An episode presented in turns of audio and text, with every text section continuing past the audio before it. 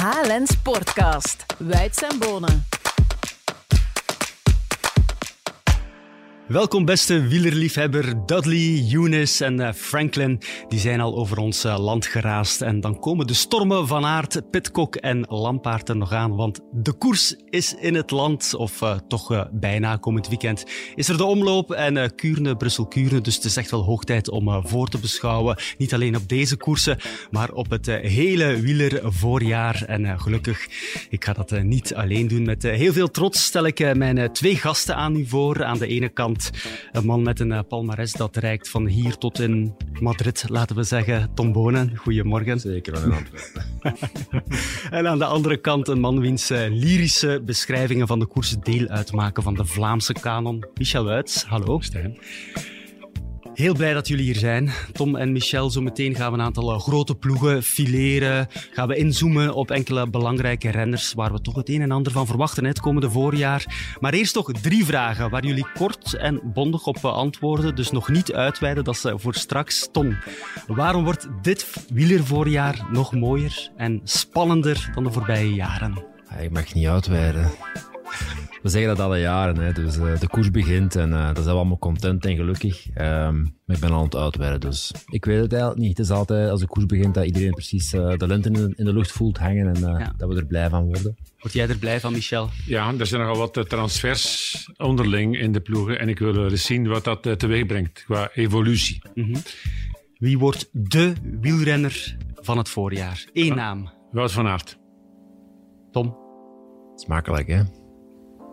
Ja, ook Wout van Aert dan maar. En wie van de oude krijgers wint dit voorjaar nog eens een grote koers? Philippe Gilbert, Greg van Avermaat of Peter Sagan? Tom? Dan gok ik toch op Peter Sagan. Oké. Okay. Ja. Dan doe ik uh, Van Avermaat. heb ik nog één vraag. Van Avermaat, ja. oké, okay, ja. Telt Gent-Wevelgem bijvoorbeeld mee als grote koers? Tuurlijk. Oké, okay, dan ja. ja. We breiden uit. Ja. We zijn al aan het uitbreiden, dat is allemaal voor straks, Tom. Maar uh, het is uh, in elk geval al een, een aantal prikkelende antwoorden die ik hier heb gehoord. De goesting is er in elk geval. Heren, laten we eraan beginnen.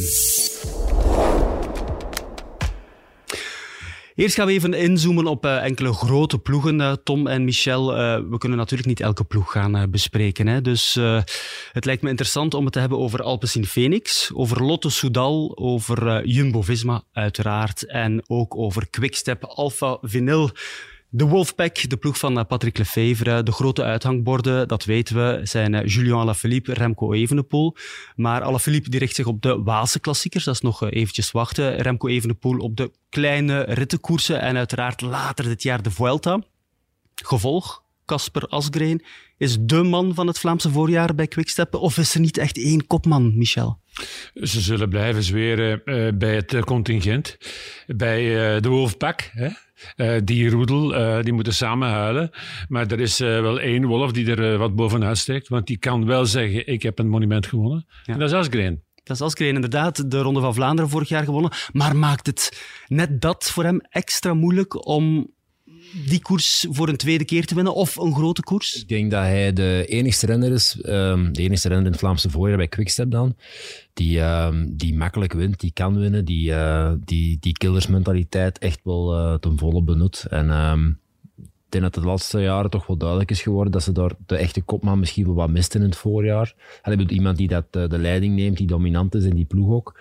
En dat er heel veel, heel veel heel goede renners waren, maar toch weinig renners die in staat zijn om te doen wat de Asgreen doen. En dat is uh, de Mathieu van der Poel kloppen in de sprint. Ja. Um, ik denk dat er heel weinig mensen op die moment hadden gegokt op hem. En dat toont aan dat dat gewoon een killer is tot en met. Mm -hmm. En uh, dat zijn de soort mannen waar je mee naar de oorlog wilt gaan in het voorjaar. Mm -hmm. Het is een bijzonder sterke ploeg. Hè? Uh, Quickstep, Alpha, Vinyl. Dat hebben we de voorbije jaren al gezien. Dus die traditie zit in die ploeg. Maar de concurrentie zit natuurlijk ook niet stil. Hè? Uh, ze moeten zich echt wel wapenen. Is de ploeg van Lefevre ja, sterker uit de winter gekomen, Michel? Hun sterkte is hun ervaring en het feit dat ze al jaren op elkaar ingespeeld zijn. Um, als je de type ploeg nu de zeven er even uitpikt, dan kom je tot de vaststelling, die zijn al wel een jaar of twee, drie samen met elkaar op pad. En dat helpt natuurlijk. Hè. Dan uh, zijn er automatismen gegroeid, dan weet je als de ene wat onderneemt, uh, dat de ander dan weet wat hij moet doen. En dat is een onmiskenbaar voordeel op bijvoorbeeld Jumbo-Visma, dat nu weder samengesteld is met uh, nieuwe producten. Ja. Daar wordt het toch nog wel, denk ik, in finales wat zoeken en tasten. Ja, daar hebben we het straks over. De Quickstep. Ja, ze hebben natuurlijk meerdere mannen die het kunnen. Hè. Florian Seneschal, we hebben het altijd gehad over Casper Asgreen, maar Florian Seneschal zou misschien toch wel een stapje moeten kunnen zetten. Yves Lampaard, sterk in de Algarve. Afgelopen week Stenek Stibar. Of moeten we Stibar stilaan afschrijven voor het uh, allerhoogste? Ik denk dat we vooral... Uh, ik kijk heel uit naar Florian Seneschal uit dit jaar. Mm -hmm denk letterlijk dat hij echt wel de stap heeft gezet nu. Ik, hoor heel veel goede dingen van hem. En ja. uh, de manier waarop hij rondrijdt uh, voorspelt veel goeds. En dat is ook wel een teamplayer. Die past eigenlijk in alle verschillende strategieën. En dan komt er in, in, in, in een koers zoals uh, in een Vlaams wielervoorjaar, zoals dat er waarschijnlijk nu is aan te komen, bij Quickstep altijd wel eens een kans aan, waar hij, wat hij wel eens kan ten volle benutten. Voor de rest denk ik dat Lampaard ook weer super sterk gaat zijn. Um, en ze zullen samen wat moeten, moeten gaan. Ja, de mengelmoes moet kloppen daar. En, dan gaat er nog wel eens een groot monument op de bus vallen. Ik denk dat inderdaad Stibar wel ja, misschien de minste van de vier gaat zijn. Mhm. Ik denk dat het heel belangrijk wordt dat uh, Lampaard en Seneschal zo snel mogelijk winnen. Ja.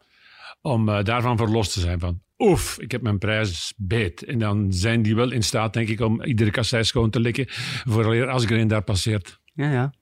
Want ik heb uh, vaak gemerkt, eh, wat vroeger bij Ballerini vaak te zien was, uh, dat wat misbaar maken als museum, dan woonde hij niet in de Ronde van Vlaanderen. Dan kwam daar die uitspraak van, in Roubaix ga je wel aan mij denken, hè? dan ben ik wel koopman. Ik denk dat dat bij Seneschal en zeker bij Lampard ook wel leeft, wanneer mijn prijs is een keertje. Ja. Wereldkampioen Julian Lafilippe, die richt zich op de Waalse klassiekers. is het een goede keuze van hem om bijvoorbeeld de Ronde van Vlaanderen naast zich neer te leggen dit jaar? Heeft eh, één keer in de Ronde van Vlaanderen geschitterd toen hij aangereden werd. Dan kun je de vraag stellen van, had hij toen meegesprint? Meer dan waarschijnlijk wel. Maar in de editie daarna um, probeerde hij hetzelfde, weer op de Koppenberg. En reed hij daarna ja, verloren. Ja. Heeft hij daar een onzekerheid opgebouwd? Op grond van het WK in Leuven zeg je dan, ja, dat is kwatsch natuurlijk. Ja. Hè? Dus hij moet dat in principe aankunnen. Maar wat uh, bij hem, denk ik, al een tijdje um, waar hij zich aan ergert, is het feit dat hij Luik Bastenaken nog niet gewonnen heeft. Ja. En dat hij daarvoor het voorjaar in Vlaanderen uit de weg gaat. Ja, maar ik had toch wel gedacht, na die val door die motaar, ongelukkig, um, dat hij toch wel op revanche uit zou geweest zijn. Ik denk dat Julia op dit moment um, de uitdaging aangaat met Luik Bastenaken Luik, omdat dat volgens, voor, volgens mij voor hem moeilijker te winnen is dan de Ronde van Vlaanderen. En ik denk dat de Ronde van Vlaanderen um, in de toekomst makkelijker kan winnen dan Luik Bastenaken Luik, keer op keer te proberen winnen. Okay, ja. En uh, voor zijn totaliteit van zijn erelijst zou het wel leuk zijn natuurlijk als je die twee kunt combineren.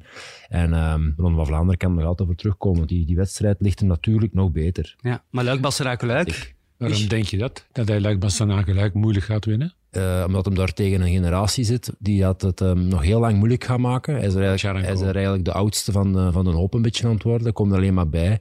En uh, als hem die zou... Maar, allez, makkelijk, is nooit makkelijk, heel Basnak winnen. Maar ik denk op het punt in zijn carrière wat hem nu zit, dat hij zo snel mogelijk moet proberen winnen. Anderzijds en, is het zo dat hij de twee jongste edities van uh, verliest omdat hij zich misrekent. Ja, maar dus hij, hij moet het in zich hebben. Hij heeft het absoluut in zich, dat weet ik. Maar hij wacht er al lang voor. Hè? Ja, en uh, daarom, als hij dat kan afvinken, dan uh, kan hij misschien nog wel eens teruggaan om, om nog eens te proberen te winnen. Ja. Maar de Ronde van Vlaanderen gaat voor hem op termijn...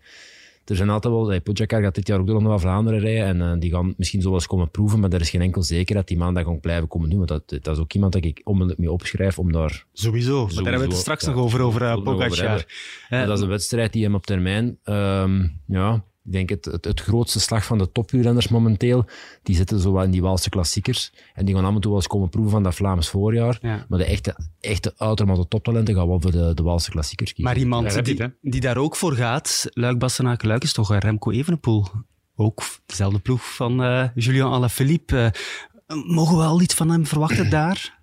Ja, het zal wel moeten, hè. Um, het wordt stilaan uh, tijd dat hij een opening creëert uh, naar een monument. En ja, dan kiest hij voor Luik Bastenaken Ik denk dat dat uh, beter bij hem paste dan bijvoorbeeld de Baalse Pijl. maar dan zal hij toch wel moeten openen voor Alaphilippe dat doet. En het een staat het ander niet in de weg natuurlijk. Hè. Maar wat zeg je, het is tijd dat hij een opening creëert naar een klassieker. Zeg je nu van, het is tijd dat hij een klassieker wint? Ja, waarom niet? Met zijn talent. Maar of dat er nu al meteen gaat van uh, komen, dat is nog een ander paar mouwen. Maar gezien zijn talent uh, moet hij in staat zijn om daar toch uh, hoog te mikken. En moet hij zeggen vooraf van ja, ik ga hier voor winst. Oké, okay, dat is duidelijk. Laten we gaan naar de volgende ja. ploeg.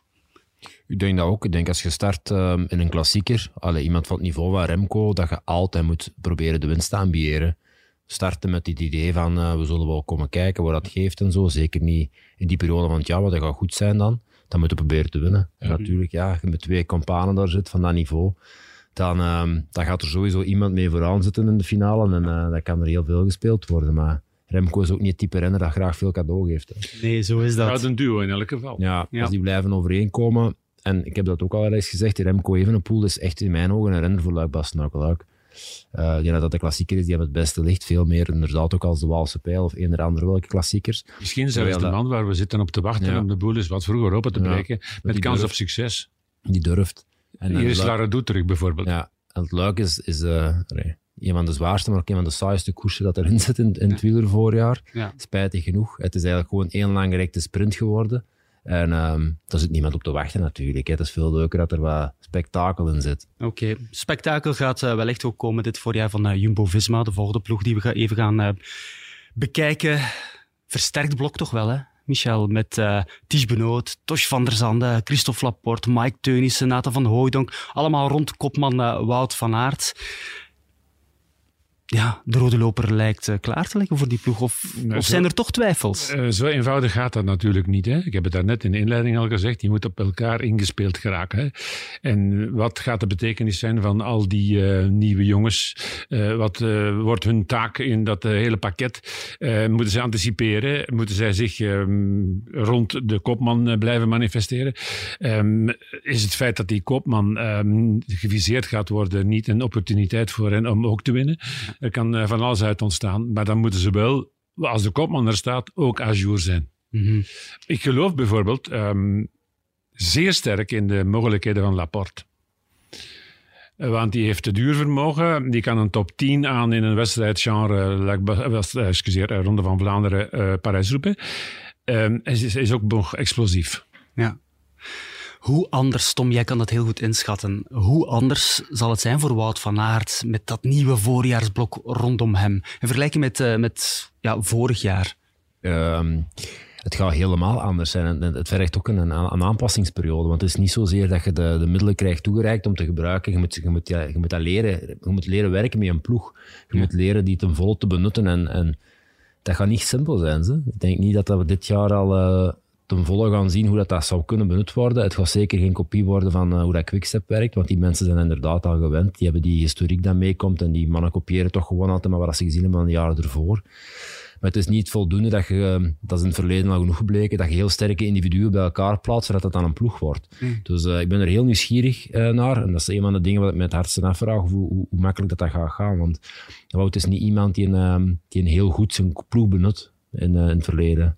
Echt niet. Nee? Nee, Hoe bedoel je? Niet. Dus, dus hij heeft altijd wel... Allee, Wout is een goede ploegspeler, hè, dat is iets anders. Maar hij benut zijn ploegmaten niet voldoende um, ten volle. En hij, hij, kan zich um, veel veroorloven omdat hij zo sterk is. En dat kan hem zelf heel veel gegeven situaties rechtzetten of, of eigen omstandigheden creëren. Als hij ergens dan al op naar een helling uh, bijvoorbeeld zelf al de leiding neemt en dan eigenlijk de, de wedstrijd als Wouter maakt en dan kan aanvallen. Ja.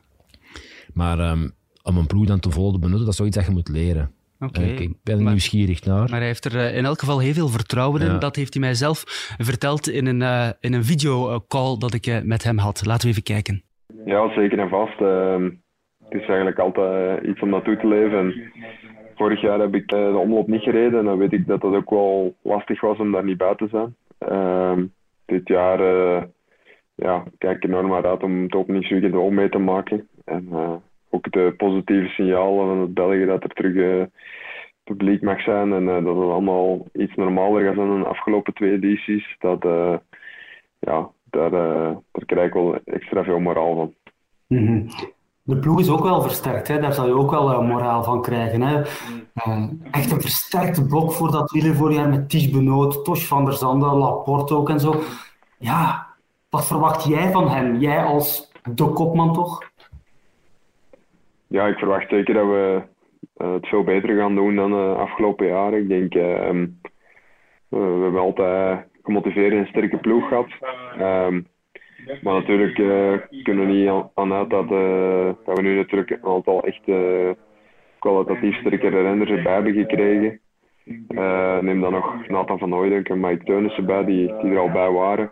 we hebben echt wel een brede brede basis, zal ik zeggen. En dat is al een paar keer gebleken dat dat nodig is in het voorjaar. Uh, er valt altijd al iemand uit of kan altijd iets gebeuren met iemand de koers. Dus we hopen vooral met meerdere in de finale te komen en echt als ploeg te kunnen rijden.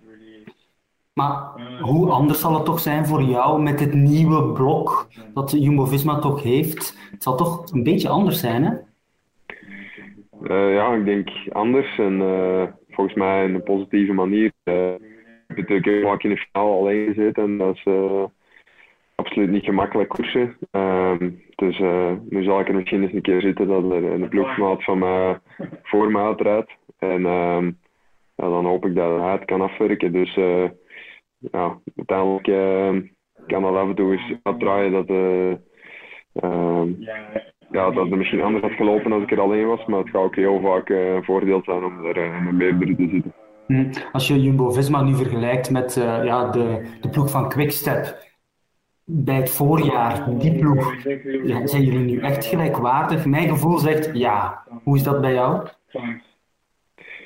Uh, mijn gevoel ook. Ik denk, uh, ja, het is misschien wel belangrijk om te zeggen uh, er wordt natuurlijk altijd naar Quickstep gekeken als een maatstaf voor het voorjaar. Heel logisch, want ze hebben daar de cultuur en ze bewijzen het jaar na jaar. Ons doel is om koersen proberen te winnen. En ehm, ja, ons doel is niet om proberen beter te zijn als Quickstep of Quickstep te kopiëren of wat dan ook.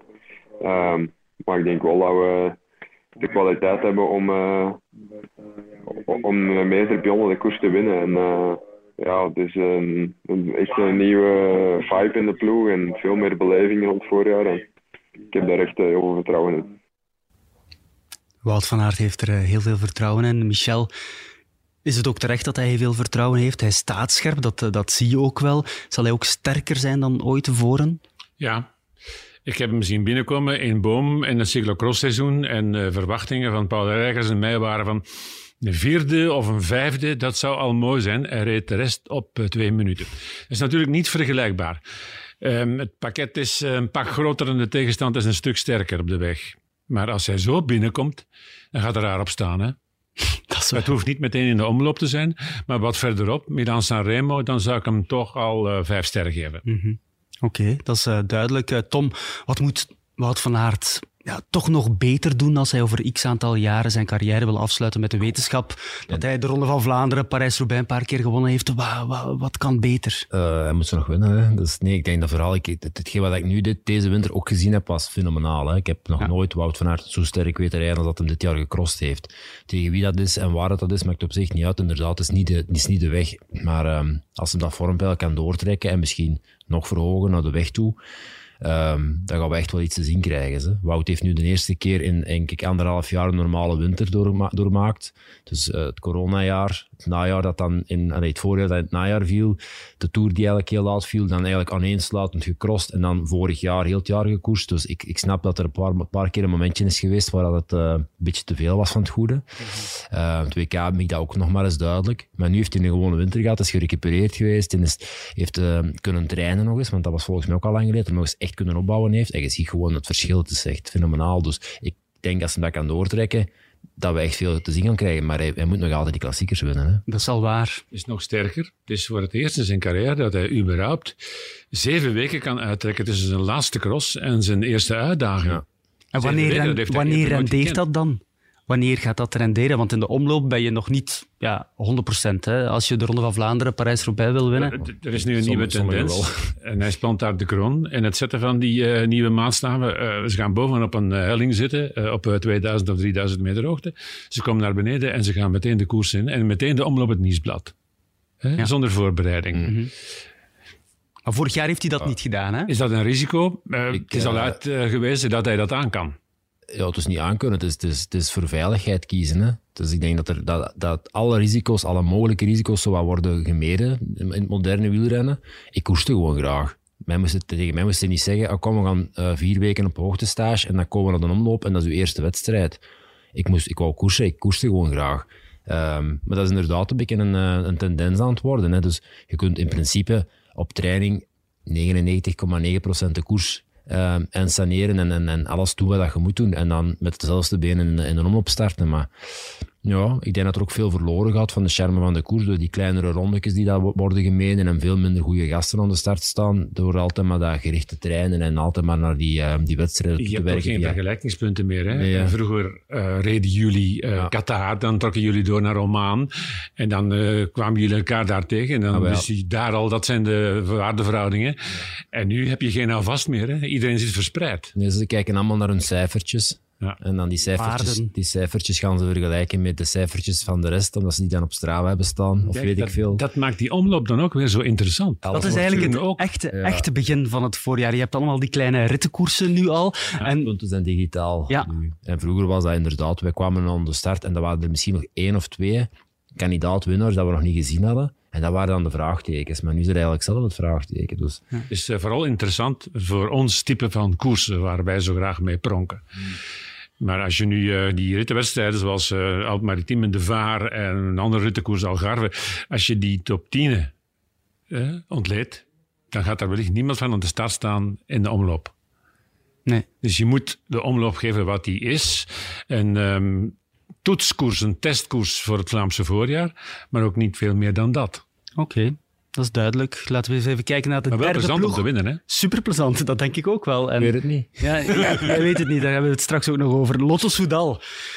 Ja, toch wel een nieuwe wind hè, binnen die ploeg, eh, Tom. Ja, absoluut. absoluut. Het is toch wel fijn om te zien, hè? Echt heel leuk, omdat de voorbije jaren is er al heel veel commentaar geweest. En, eh, en eigenlijk terechte commentaar ook, want dat was echt gewoon rampzalig en slecht. Nu, ehm, ja, ik weet niet, vorig jaar is er iets gekanteld. Ze zijn daar eh, de juiste renners beginnen aantrekken, of er waren er al een aantal van de juiste renners eh, van de jaren ervoor. Dat is beginnen, beginnen, die mayonaise beginnen pakken. Ehm, ook in, eh, bij de staf zijn er een aantal gasten bijgekomen. Nu, ehm, Weggevallen ja, ook. Weggevallen vooral ook. Victor Kampenaerts is erbij gekomen. Een Zeer super, belangrijk. Super professionele gast. De Ja, lijm van de ploeg. ik heb hem nu een beetje beter leren kennen en uh, allee, echt van, allee, verwonderd hoe, uh, hoe, hoe hard hij met alles bezig is. Ik was op stage in Altea in Spanje bij die ploeg, een paar dagen. Zeer ontspannen, aangename ploegsfeer. Het is ook echt een gezonde mix van uh, ervaring en uh, ja, jonge talenten die daar samen zitten. Ja, hè? En, een hele goede flow Ja. momenteel. En uh, je ziet dat ook direct. En het sneeuwbaleffect is al aanwezig. Hè. We zitten al op zeven overwinningen. En, en ene keer als die positieve flow aan het gaan is, ik verwacht er heel veel van dit jaar. Florian Vermeers, uh, zijn eerste voorjaar in de schijnwerpers, want vorig ja. jaar was het nog eigenlijk een nobele onbekende. Daar verwacht ik ook heel veel van. En. Van Moer. Mm. En um, ze, ze hebben er nog een aantal van die, van die kandidaat Allee, serieuze knapen zitten. Maar je zegt Florian Vermeers, interessant. Hij was in zijn uitspraken op stage wel nogal voorzichtig. Hè? Geen grootspraak, wat op zich geen slechte kwaliteit is. Maar na zijn tweede plaats in Roubaix vorig jaar ja, zal er natuurlijk wel heel hard naar hem gekeken worden. Hè? Wat, wat, wat mogen we van die jongen verwachten? Als jij zegt van ik verwacht er veel van, wat is dat dan? um, laat me duidelijk zijn. Ik denk echt dat Florian Vermeers in staat is om, uh, om nog veel meer te winnen dan alleen maar Parijs-Roubaix. Ik denk dat dat een, het is een, ja, ik vind het een beetje miserig dat men vorig jaar na Parijs-Roubaix zei van heeft misschien wel zijn enige kans verprutst. Nee, nee, Kom jongens. Niet. Absoluut heeft en inhoud en bovendien is hij ook nog eens snel. Is echt supersnel. Ja. Die heeft uh, piekwaardes. Allee, om dan terug over die waarde, die, die, is, die is sterker als ik was in mijn beste jaar. Hij weegt ook wel iets meer, maar die heeft een, uh, allee, een enorm capaciteit, die gast. En hij heeft de juiste allee, mentaliteit, of staat een kalme kop op. Het is een rustige gast. Hij denkt goed na, want in Roubaix, het was niet zozeer dat hij dat tweede werd. Hè. Ik was vooral in de indruk hoe dat hij daar rondreed. En niet, niet enkel van, ah ja, ik smijt mijn krachten weg. Die was super slim, die wist ja. wat hij aan het doen was. Die was aan het koersen, is zijn eerste keer in de finale van Parijs-Roubaix. En die deed alles juist, alles. Met een beetje meer geluk wint hij die koers daar. Bovendien was zeker ik niet... nog uh, zeer uh, blij en verrast dat hij überhaupt nog tot sprinten kwam. Ah, ja. Nou, wat hij daar allemaal plus, gedaan heeft. Plus, ik ben, en we hebben toen ook over gehad, ik blijf erbij. Hij wint die sprint als uh, Moscon daar niet rijdt. Want ze dubbelen Moscon in de laatste bocht. En hij is eigenlijk het momentum kwijt. Hij moest uitwijken, en, hè, weet je? Colbrelli eigenlijk mee zijn zog mee. Ja, ja, ja, juist, en, ja. Ga op een piste en is bergop. Dus als je er omhoog gaat, verlies de snelheid. En die 3, 4 per uur snelheid dat je mist, uh, pakt Colbrelli wel mee, want hij zit dus in de slipstream en dan krijgt hij die slingshot-effect eigenlijk. En ik ben ervan overtuigd dat hem, als Moscon er niet rijdt, dat hem wint, is in een eerste prijs. Maar, Kampenaars uh, wordt de sleutelspeler. Ja. Kampenaars heeft de capaciteit om niet één keer, niet twee keer, maar vier, vijf keer aan te vallen. En dan nog eens terug te komen om dan toch nog zijn duit in het zakje te doen. Ja. Hij kan het pad effenen voor anderen. Zijn die al rijp genoeg? Dat is nog een andere vraag. Want de uitslagen van Vermeers in het echte voorjaar, want Parijs-Roubaix zat vorig jaar helemaal achteraan. Dat is nog wat minder, maar dat zal wel groeien. Hè? dat dat zal wel ook- groeien. Ik denk dat je daar ook nog wel wat geduld moet oefenen. Maar eh, koers tot 200 kilometer, waarom niet in de omloop? Zou ik toch wel zeggen, van, hou daar rekening mee. Mhm. Je moet ook denken, eh, het einde van het jaar of het begin van het jaar, voor een jonge renner is dat een heel groot verschil. Hè? Dat is, dat is eh 10 of 20 koersen gereden hebben of er 70 gereden hebben bij de profs. Hè? Dus allee, je snapte, dat is Ja, ja. iedere maand dat je extra aanwezig bent, dat peloton leert. Leer je. Je, je wordt sterker, Ja. je, wordt, je wordt een veel complete renner. Dus ja, ik ben er heel nieuwsgierig naar. Maar ik verwacht, ik verwacht me meer wedstrijden dan enkel maar in Parijs-Roubaix. Ik denk ook dat Brent van Moer ook een eh, essentiële rol gaat kunnen spelen. Met de kampenaars Ook als al in het voor- als in het voorjaar? Eh, waarom niet? Ja? Ik hoop dat ze hem opstellen. Oké. En Philippe Gilbert? Dus van het ene uiterste jong talent naar eh, het andere uiterste. Ehm, ik- Laatste jaar. Wat kan die nog? Gaat hij nog eens alles op alles zetten voor uh, Milaan Sanremo? En, en datgene wat hij tot dusver gereden heeft, heeft hij zich gesmeten. Ja, ja, ja. Zonder tastbare resultaten, maar wel gekoerst. Zich niet helemaal laten wegzakken op eh 10, 15 minuten, maar wel voor zijn plaats willen rijden. Dus met andere woorden, hij is dan eh, zijn vorm aan het opbouwen. En gaat de uitslagen van de omloop er maar eens op na. Gilbert plaatst zich altijd op eh, ervaring, op karakter. Dat is waar. Helemaal mee akkoord. Ik denk dat Filip iemand is wat dat je als ploeg, ehm, en je hebt hem mee, kun je altijd berekenen. Ehm, als hij niet goed is, dat ligt, aan, nee, dat ligt niet aan hem, dat ligt gewoon aan valpartijen, tegenslag. Eh, hij heeft de voorbije jaren echt zijn deel ook al wel wat gehad. Ehm, tot hoever dat hij nog kan reiken. Ik bedoel, wat hij, wat hij je denkt altijd natuurlijk, als je op een bepaald niveau geweest bent, dat je daar nog toe kunt gaan terug, maar dat is niet altijd het geval. Nee, Dus het is ook niet het is, evident. altijd, het is altijd wat afwachten, maar Nee. ik verwacht hem wel. ehm, er zullen nog wel flitsen tussen zitten, links Ja, of rechts. Dat een- dat voor de overwinning gaat zijn, dat weet ik. Ja, nog één afsluitende vraag over Lotto Soudal. Eh, Jean Lelange, ja, die is eh, volop bezig met die, ja, die nieuwe ploeg echt te smeden. Is er toch nog iets, want als we het vergelijken met eh, Quickstep, de Wolfpack, dat is echt één team, dat is echt een identiteit. Mist Lotto Soudal nog iets om een echte ja, identiteit Te eh, zijn, te hebben? Een gepatenteerde afwerker die het nog eens doet. In de omloop is dat geleden sinds 2002. Peter van Petegem. En je kan dat nog gaan uitbreiden ook naar eh, andere koersen in ons voorjaar, kassei voorjaar. En een man die zegt van hier, hier ben ik. Ik ben het alfamannetje, ik werk het af. Oké.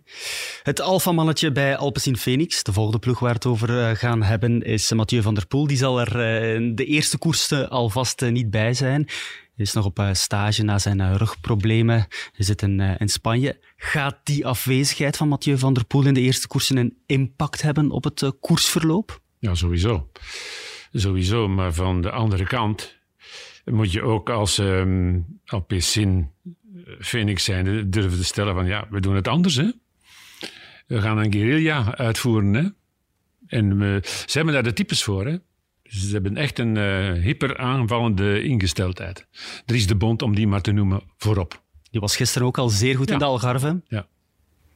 Oké, dus dat, is, dat moet de tactiek zijn van Alpecin Phoenix. Ja, zo voel ik dat nu aan, ja. Spontaan. Oké. Maar er zijn natuurlijk nog wel wat jongens hè, met ambitie binnen die ploeg eh, van de broers Roodhoop. Jasper. Philipsen Ja, bijvoorbeeld. dat. Ik denk, eh, een openingsweekend, zoals dat we dit jaar gaan krijgen voor Appels en Phoenix, dat, zijn, dat, zijn- dat geeft dikwijls de mooiste koersen, omdat je zit dan met, een- met een ploeg met enorm veel inhoud, die dan normaal... allee, 90% van de koersen voor Mathieu van der Poel eh, aan de start komen. En die krijgen nu in één keer een vrijheid. Die zijn eigenlijk allemaal goed aan het rijden. Jasper is goed aan het rijden, Dries is super goed aan het rijden. Ehm, die het normaal niet is. En ik hoop ergens dat de broers Roodhoff of Christophe toch wel gaat zeggen, jongens, weet je wat, doe maar. We zien wel. Ja. En, en dan gaan we een heel mooie koers krijgen. Heel mooie koers krijgen. En ik verwacht ook nog altijd, ja, Jasper Philipsen dan, ehm, dat is al een aantal jaar zo, gaat tot in de klassiekers. Hij heeft vorig jaar een super, super sterke sprint gereden. Ja. En eh, hij heeft echt de aansluiting gemaakt voor mij met, de, met, de, met de, de beste vijf sprinters van de wereld dan. En nu, eh, nu hoop ik dat hij me dat ook eens in, in, een- in een klassieker kan laten zien. Ja. Hij wint die openingsetappe in de UAE-tour. We weten dat hij kan sprinten, maar in de klassiekers, Michel. Dat- hij moet dat duurt nog kunnen. wel tot eh, 26 februari, hè. Ja, Dus gaat hij er nog in de omloop niet omloop bij zijn, niet, hè. Nee. Wat ik jammer vind. ja. Hij wordt 24, hè? Dat is nog jong, hè? Ja, dat, Oh ja, weet, heeft- ik, dat heeft- weet ik. Maar toch, maar dan moet je toch al uitgespeeld worden, denk ik, in een wedstrijd van dat type. Want als er een wedstrijd is eh, waar hij volgens mij vooruitgang kan boeken en zelfs mee een finale rijdt, dan is het dat de omloop, Oké, ja. Ja, en ik heb het ook vooral over wedstrijden, genre Gent-Wevelgem, Harelbeke misschien, zou ik toch eens graag zien. Waar, waar- hoe ver kan hem daarin komen? kosten. Ik weet het, ik, ja, ik weet het. Ik heb er ook, ik heb er ook wel gekoerst. Vijf keer zeker? Ja.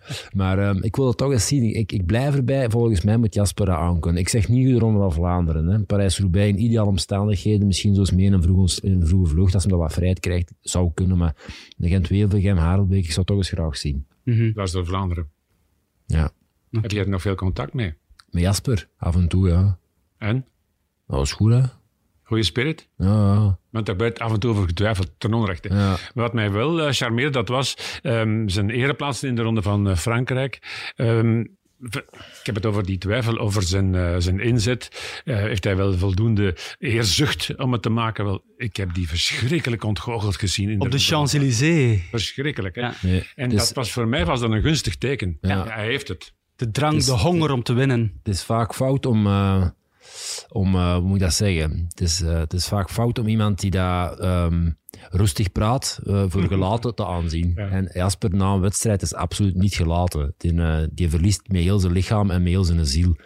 Maar die kan dat wel nadien dat een beetje normaal brengen. En dat is natuurlijk, wordt dan vaak zo, oh, het is misschien toch niet zo'n eeuwige, maar Ja. eh, neem het van mij aan, het is wel een eeuwige. Maar als je te hevig bent, dan krijg je daar ook kritiek op. Dus het is eigenlijk Ah ja, eh, is- niet is- altijd... Ja, het is eh, 2022. ja, het is juist. 2022. Overwinningen, zijn overwinningen in de Vuelta, die hebben hem deugd gedaan. Hè? Ja. Dat is waar. Oh, oh, oh, ik kan het wel. Hè?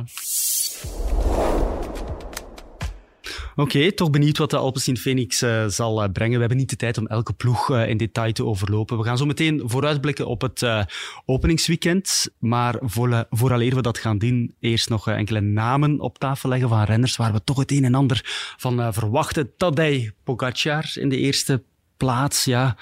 Ronde van Vlaanderen heeft hij toch aangeduid. Eén van de koersen, hij rijdt nog meerdere koersen. Maar ja, mogen we die aanstippen? Tom zei het al, als favoriet voor de overwinning daar. Gezien zijn uh, capaciteit, hè? wat kan die jongen niet? Dan acht ik hem in staat om te doen wat Alaphilippe gedaan heeft. Zelfs op die jeugdige leeftijd. Al is dat in de Ronde van Vlaanderen niet makkelijk. Je hebt doorgaans een paar beurten nodig in de Ronde van Vlaanderen om uh, mee te doen, uh, zelfs voor een top 5. Maar zo een keer getalenteerd. Hij maar zo met zijn talent en met een gids die hem kan zeggen van ho, ho, ho, wachten en nu los. Gaan. Hij is, hij is explosief, stuurvaardig. Dat heb je Oh, nodig hè, in de ronde. Hem, schrijf hem maar op. Ja, oké, okay, dat ga ik dan nu doen. Tom Pitcock, waar mogen we die opschrijven, Tom? Daar net onder. Er net onder, ja, is dat ook. nee, maar, waar, nee, waar, waar verwacht wel een eerste machtsontplooiing van uh, Pitcock? Goh, ik, ik, ik vind het altijd moeilijk. Ik, ik, ik heb het altijd moeilijk met die mannen die ook crossen, om dat in te schatten. Hoe zwaar weegt dat op een voorbereiding? Um, hoeveel aanpassingen heb je nodig om dan uiteindelijk koersen van 260 kilometer gaan te rijden? Dus ik, heb er, ik, kan dat eigenlijk niet zeggen. Iedereen weet dat Pitcock eigenlijk alle wedstrijden in het, uh, het Vlaamse en het Belgische voorjaar aankunnen, dus ook de Waalse koersen. Um, het is een uitermate groot talent, dus in principe kan hij in iedere koers uh, vanaf februari tot uh, eind april aan. Start in de omloop. Zijn eerste prik, heeft Kurt Bogaert, zijn coach, gezegd, zal de Strade zijn. Maar zijn eerste echte grote doel is toch Milaan San, uh, San Remo. Ja. Ja, ik sluit niet uit dat hij meteen goed zal zijn in de omloop en dat hij nog in de flow zit van zijn crossseizoen. Ja. Maar ik vrees dat het met ups en downs zal gaan. Uh, hij heeft uh, niet gedaan wat uh, Van Aert gedaan heeft. Er uh, zeven weken tussenuit geknipt om stevig te werken en uiteraard op hoogtestage. Dat niet. Hij pakt dat volledig anders aan en dat gaat hij toch af en toe cash betalen. Maar dat sluit niet uit, gezien zijn talent, dat hij de week erop weer scoort. Oké. Okay. Iemand die uh, vorig jaar heel veel gescoord heeft, is Sonny Colbrelli. Is die in staat om zijn uh, succesjaar te herhalen, Michel? Um, ik heb hem in mijn column een beetje oneerbiedig de meesterswiveur genoemd. Maar het is een kunst om de betere in een uh, klassieker of in een Europees kampioenschap te blijven volgen. Hè? Mm -hmm. Geloof me, die heeft in het EK in Trente in het wiel van Evenepoel sterren gezien. Hè? Maar heeft ze wel geplukt, die sterren. Hè? Ja. Um, ik denk dat die jongen ook een uh, knop omgedraaid heeft. Hij is uh, bij een uh, mental coach, een ja. vrouw als ik dat goed heb. Klopt. Um, gaan aankloppen. En die heeft hem toch wel het een en het ander ingeprent. Hè? Geloof in jezelf.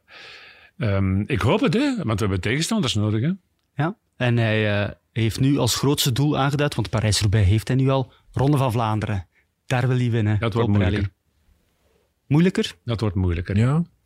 Daar zie ik hem wel wat eerder kraken. In Parijs-Roubaix kan dat, omdat je daar op de grote molen hoe langer je rijdt, hoe beter je bolt uh, kunt spelen. Maar in de Ronde van Vlaanderen denk je dat hij zich nog gaat tegenkomen. Ik ben dan geneigd om te zeggen dat de Ronde van Vlaanderen Colbrelli beter ligt dan Parijs-Roubaix.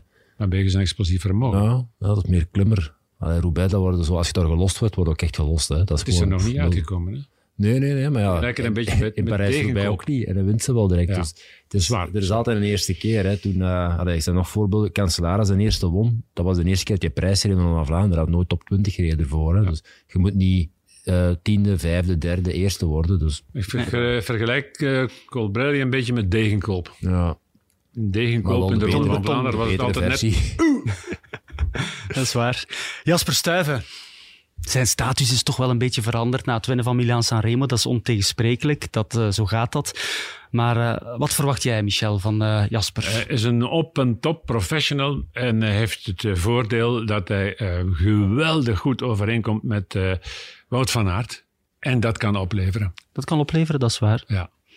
Um, en hoe manifesteert hij? In tijd van nood en in diepe finales heb je nood aan vrienden. Ah ja, en, maar hoe manifesteert zich dat in diepe finales? Hoe, hoe, hoe kan Wout van Aert hem helpen? Als ze daar met z'n tweeën zitten en ze hebben bijvoorbeeld een Colbrelli bij zich en uh, noem een Pitcock of een, dat Marcellus van der Poel zijn, hopelijk ook van der Poel, dan um, is de kans dat de stuiven daarvan profiteert groter dan de kans dat Van Aert wint. Het zal zeker niet van aard te zijn, toch niet? maar het zal, omdat het niet anders kan. Het zal van aard te zijn. Ja, van aard. Nee, maar dat klopt, ja. Ik denk, uh, een renner zoals, als Jasper Stuyven is, dat zijn zo gasten die komen dan af en toe in die finale, in de echte finale terecht, dat het om, het, om de winst gaat. En die krijgen dan zo net iets meer vrijheid. Hè. Zo aan, ja, ja. In, ook, die gaan dan. En je zit ja. er dan met vier, vijf van die topfavorieten. Maar hij beslist elkaar... wel in een fractie van een seconde van nu moet ik gaan. Dat is ook een kunst. Hè? Absoluut. Ja, maar Zijn... je moet daar zijn. En, je, en je moet ze plukken. Hè. Maar um, die krijgen dan zo toch nog net dat tikkeltje extra of rapper vrijheid. En dat kan ook natuurlijk in de Ronde van Vlaanderen en, en eender waar. Ja, oké. Okay. Het dwingt er natuurlijk ook af door daar te zitten. Mm -hmm. Hè? En hij koerst al heel zijn carrière zo. Mm -hmm. uh, Jasper werd wereldkampioen als eerstejaars bij de juniores en offerde zich in die wereldkampioenentrui op voor zijn Belgische ploegmaats in de Belgische selectie. Dat is altijd zo geweest. Uh, geweldige kerel, hè? Dan krijg je veel vrienden, hè? Leuvenaar. Een Leuvenaar.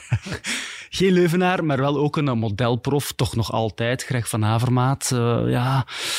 Wat mogen we nog van hem verwachten? Want ik schrijf hem in elk geval nog niet af. Nee, het zou een beetje onerbiedig zijn ook. Hè. Ik denk, Greg heeft echt een uitermate grote staat van dienst bereikt. Um, via zijn inzet, de manier waarop het hem koerst, uh, ook zijn uitslagen.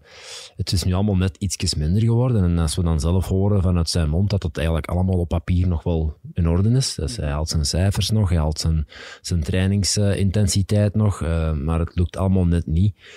Dat wil ook zeggen dat het misschien met een klein kantelpuntje nog wel eens ergens kan lukken. Maar ik denk niet dat we nog de seizoenen mogen verwachten van Greg die dat er ooit geweest zijn. Maar om hem af te schrijven, dat denk ik dat nog veel te vroeg voor is. Want nee. uh, ieder jaar is anders, iedere week is anders en iedere dag is anders. Hij is uh, karakterieel sterk genoeg om nog altijd dat kopmanschap uh, te blijven afdwingen. Ja? ja? Moet dat kopmanschap niet naar Oliver Nase gaan? Nee. Gezien Niks zegt mij dat uh, Nasen een grote opportuniteit, opportuniteit om uh, een klassieker te winnen heeft dan uh, um, Van Avermaat. Nee. Ik zit in een verdere richting te denken. Ik denk aan Stan de Wulf. Ja. Begrijp je. zit ook in dat gezelschap. Ja. Hè? En dat is een jongetje dat je snel over het hoofd ziet, maar is verdomd sterk. Hè? Ja.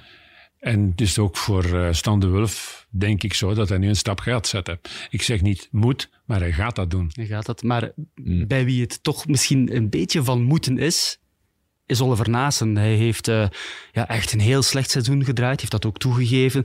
Volledig gereset, er was denk ik 8 kilo bijgekomen en dan is hij beginnen trainen. Ik heb hem gisteren nog een berichtje gestuurd. Hij, hij antwoordde van ja, nee, ik ben, ben er klaar voor. Natuurlijk benieuwd, trainen is nog iets anders dan, uh, dan koersen, wedstrijden rijden. Maar uh, hij beseft dat het van moeten is. Hè? Als hij mij uh, kan charmeren zoals hij dat doet in een uh, babbel van een half uur, dus nooit een uur, want je blijft aan zijn lippen hangen. Als hij dat ook in een finale kan doen, dan ga ik in zijn plaats de blijste mens van de wereld zijn. Mm -hmm. Oké. Okay. En dan heb iemand ik... die gunde het ook, hè? Oh ja. Ja, ja, tuurlijk. Ja. ja. Dat het harde werk loont. Gaan ze het elkaar gunnen? Als ze daar zitten. Of hebben we dat allemaal verkeerd beoordeeld in de E3 van vorig jaar? Toen ze daar met z'n tweeën zaten. En toch Asgreen nog een keertje lieten rijden. Dat is van niet beter kunnen ze. Vrees ervoor. Denk het En ook. dat moet nu anders. Dan heb ik nog eh, één naam hier op mijn blad. eh, Dylan Teuns. Nieuwe coach, Michele Bartoli. Eh, ja, gaat hij daarmee zijn uh, Ardennen-droom kunnen vervullen?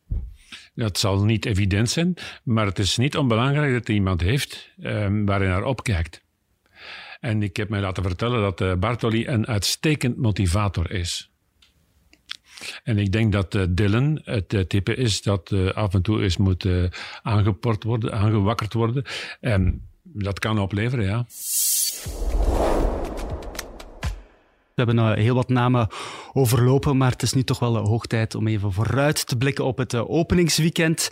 En dan toch vooral de omloop van zaterdag. Tom, de omloop, dat is een van de weinige, een van de weinige voorjaarskoersen die niet op jouw palmarès staat. Maar kan je toch eens even zeggen, hoe belangrijk is dat voor een klassiek renner om vroeg op het ja. seizoen te winnen? Ja, te winnen, ja.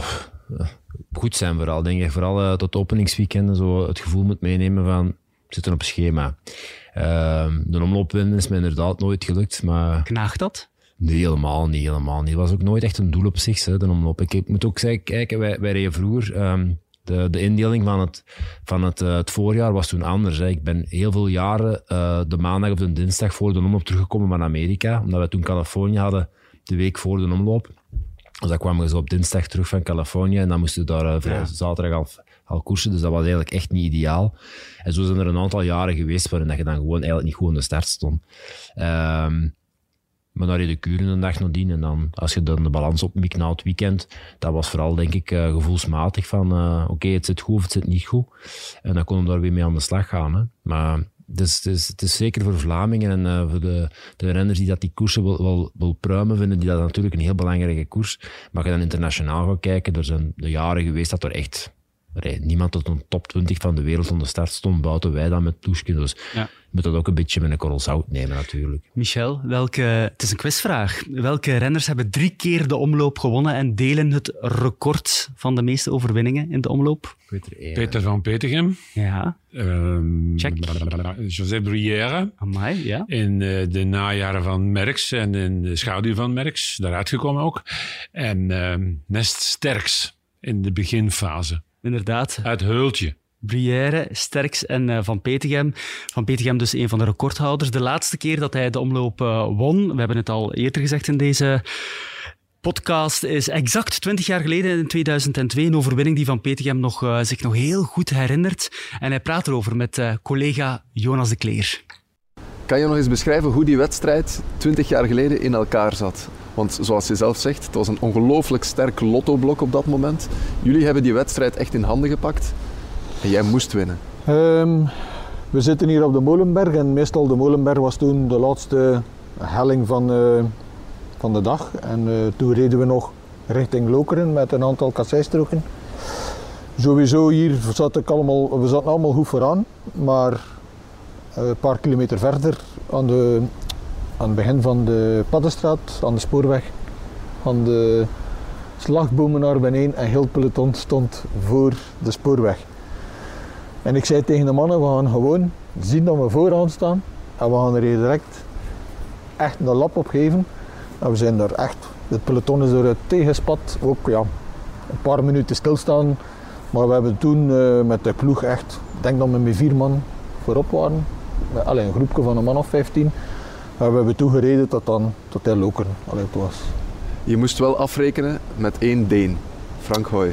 Die is uh, ja, toch ver van de aankomst gaan demareren. En uh, Glenn Dollander zei toen tegen mij, Peter, ik rijd al wel dicht.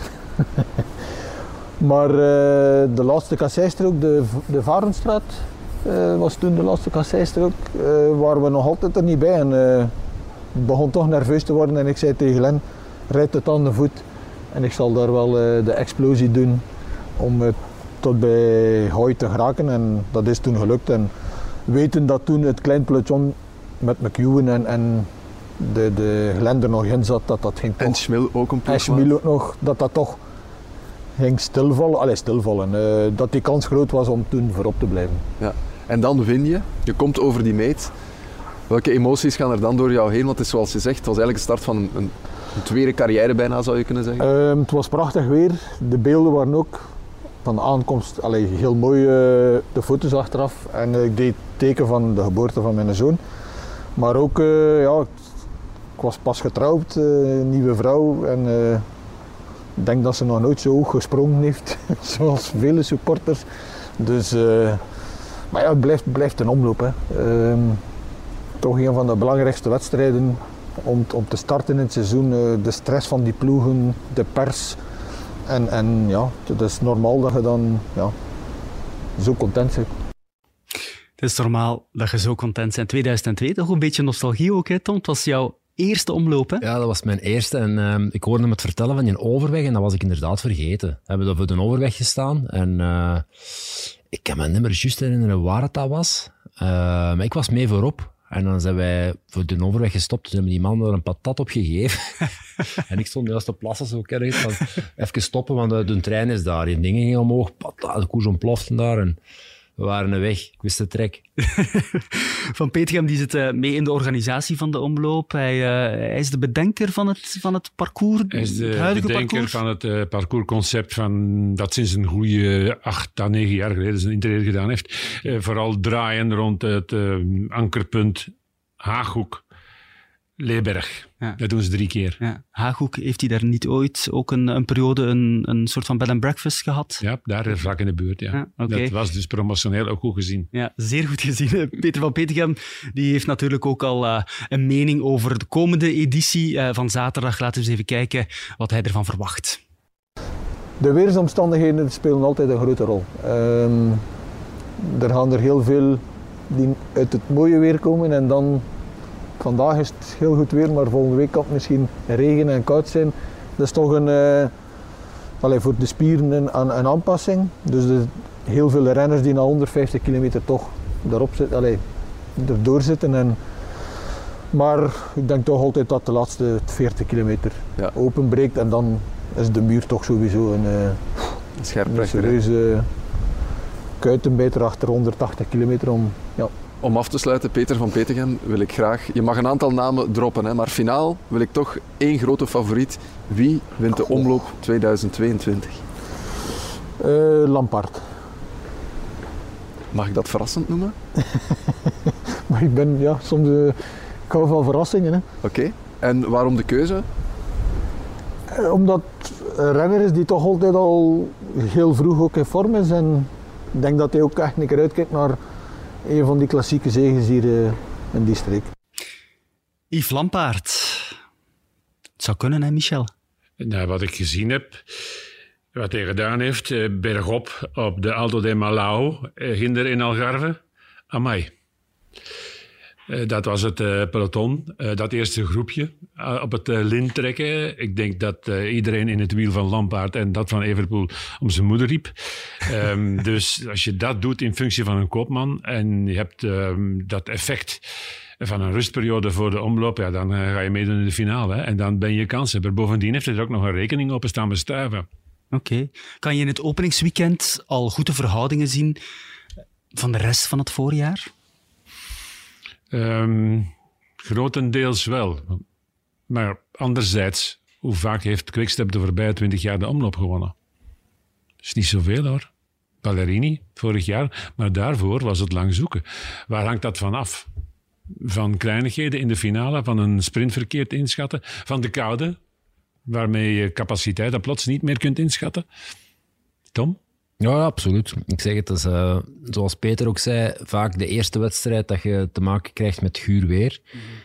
Wij reden, ehm, ja, vroeger was dan Californië, dan was dat Qatar, Oman, Californië, eh, wat zeg ik, Californië, Eh, Australië. Allee, we hebben overal gezeten Dan in kom dat je hier terecht. Komt, het meest extreem wat ik meegemaakt heb, dat was Argentinië. Dat was 52 graden op de laatste dag. Ja. En twee dagen later was het hier min 4. Oké. Was, dus ik had daar mijn fietsje aan de kant gezet bij 52 graden en ik pakte hem hier terug de eerste keer aan min 4. Dat was 56 graden verschil.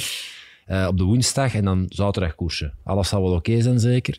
Nee, dus dat is echt een, een shock voor je lichaam. En als je dan geluk hebt dat het droog is, gaat dat, nog, eh, gaat dat mee door. Dan kun je nog een beetje tegen kleren. Maar als je dan zo nog eens regen op je lichaam krijgt, dan eh, is dat echt wel een shock. Dus je Ja. moet daar wel geluk mee hebben. Dus daarom ook dat Bjarne Ries in 2011 tegen Nick Nuyens zei, je rijdt de omloop niet hè. Ja, Je kan daar alleen maar ziek worden hè. En Nijers zei van, ja, wel, wel, gaat hij wel rijden? Nee, nee, nee, nee, nee, wacht eens, kom eens hier. Zal die knop omdraaien. Voilà, je rijdt hem niet. Nijers won toen de Ronde van Vlaanderen. Ja. Heeft het een met het ander te maken. Misschien. Geloof, verzet bergen. Hè. Heel belangrijk voor het parcours zoals het nu ligt. Men is overgeschakeld naar de finale van de Ronde van Vlaanderen van tot 2011. Met de muur en de Bosberg. Hoe staat de wind? Hmm. Eh, Je kan dat opmaken uit de jongste vier edities. Hè. Ze gaan met een groepje, een klein groepje naar de streep. Eh, Stierbare wind, eh stijve wind. Of het loopt samen en het wordt een sprint. Zie Ballerini. Ja. Als er tegenwind staat, als je knal naar het oosten eh, rijdt, dan heb je een probleem. Hè. Ja, kunnen eens naartoe. We zullen het eh, zaterdag zien en dan zondag is er eh, Kuurne, Brussel, Kuurne. Goed, heren, we zouden kunnen blijven doorpraten. Ik voel het aan alles, maar goed, we hebben nog redelijk wat eh, weken te gaan. Dit was de eerste Wuits en Bonen, maar vooraleer we echt helemaal afronden, wil ik toch nog graag één naam horen van elk van jullie. Welke renner die we hier nog niet gehoord hebben, afgelopen drie kwartier, wordt de verrassing van het voorjaar, Michel? Hoeft niet per se te winnen, maar toch, ja, iemand... Ik ga toch een naam zeggen die Ja. dat, wel, dat wel genoemd te maken. Ik zeg, Podjak, Podjakar wint de Ronde van Vlaanderen. Oké, we mogen het echt opschrijven. Ik had het al opgeschreven, maar ik zal het nu in het eh, vet opschrijven. Michel? Ehm, Moscon wint de Parijs-Roubaix en doet tussendoor ook nog wel wat. Moscon, Gianni Moscon. Voilà, dat is Dat is duidelijk. natuurlijk wat aflaten. Tom Bonen, merci. Michel Wuits, merci. Tot de volgende week voor een nieuwe Wuits en Bonen. Heb je genoten van deze aflevering? Abonneer je op ons kanaal en beluister ook onze andere Highlands podcasts.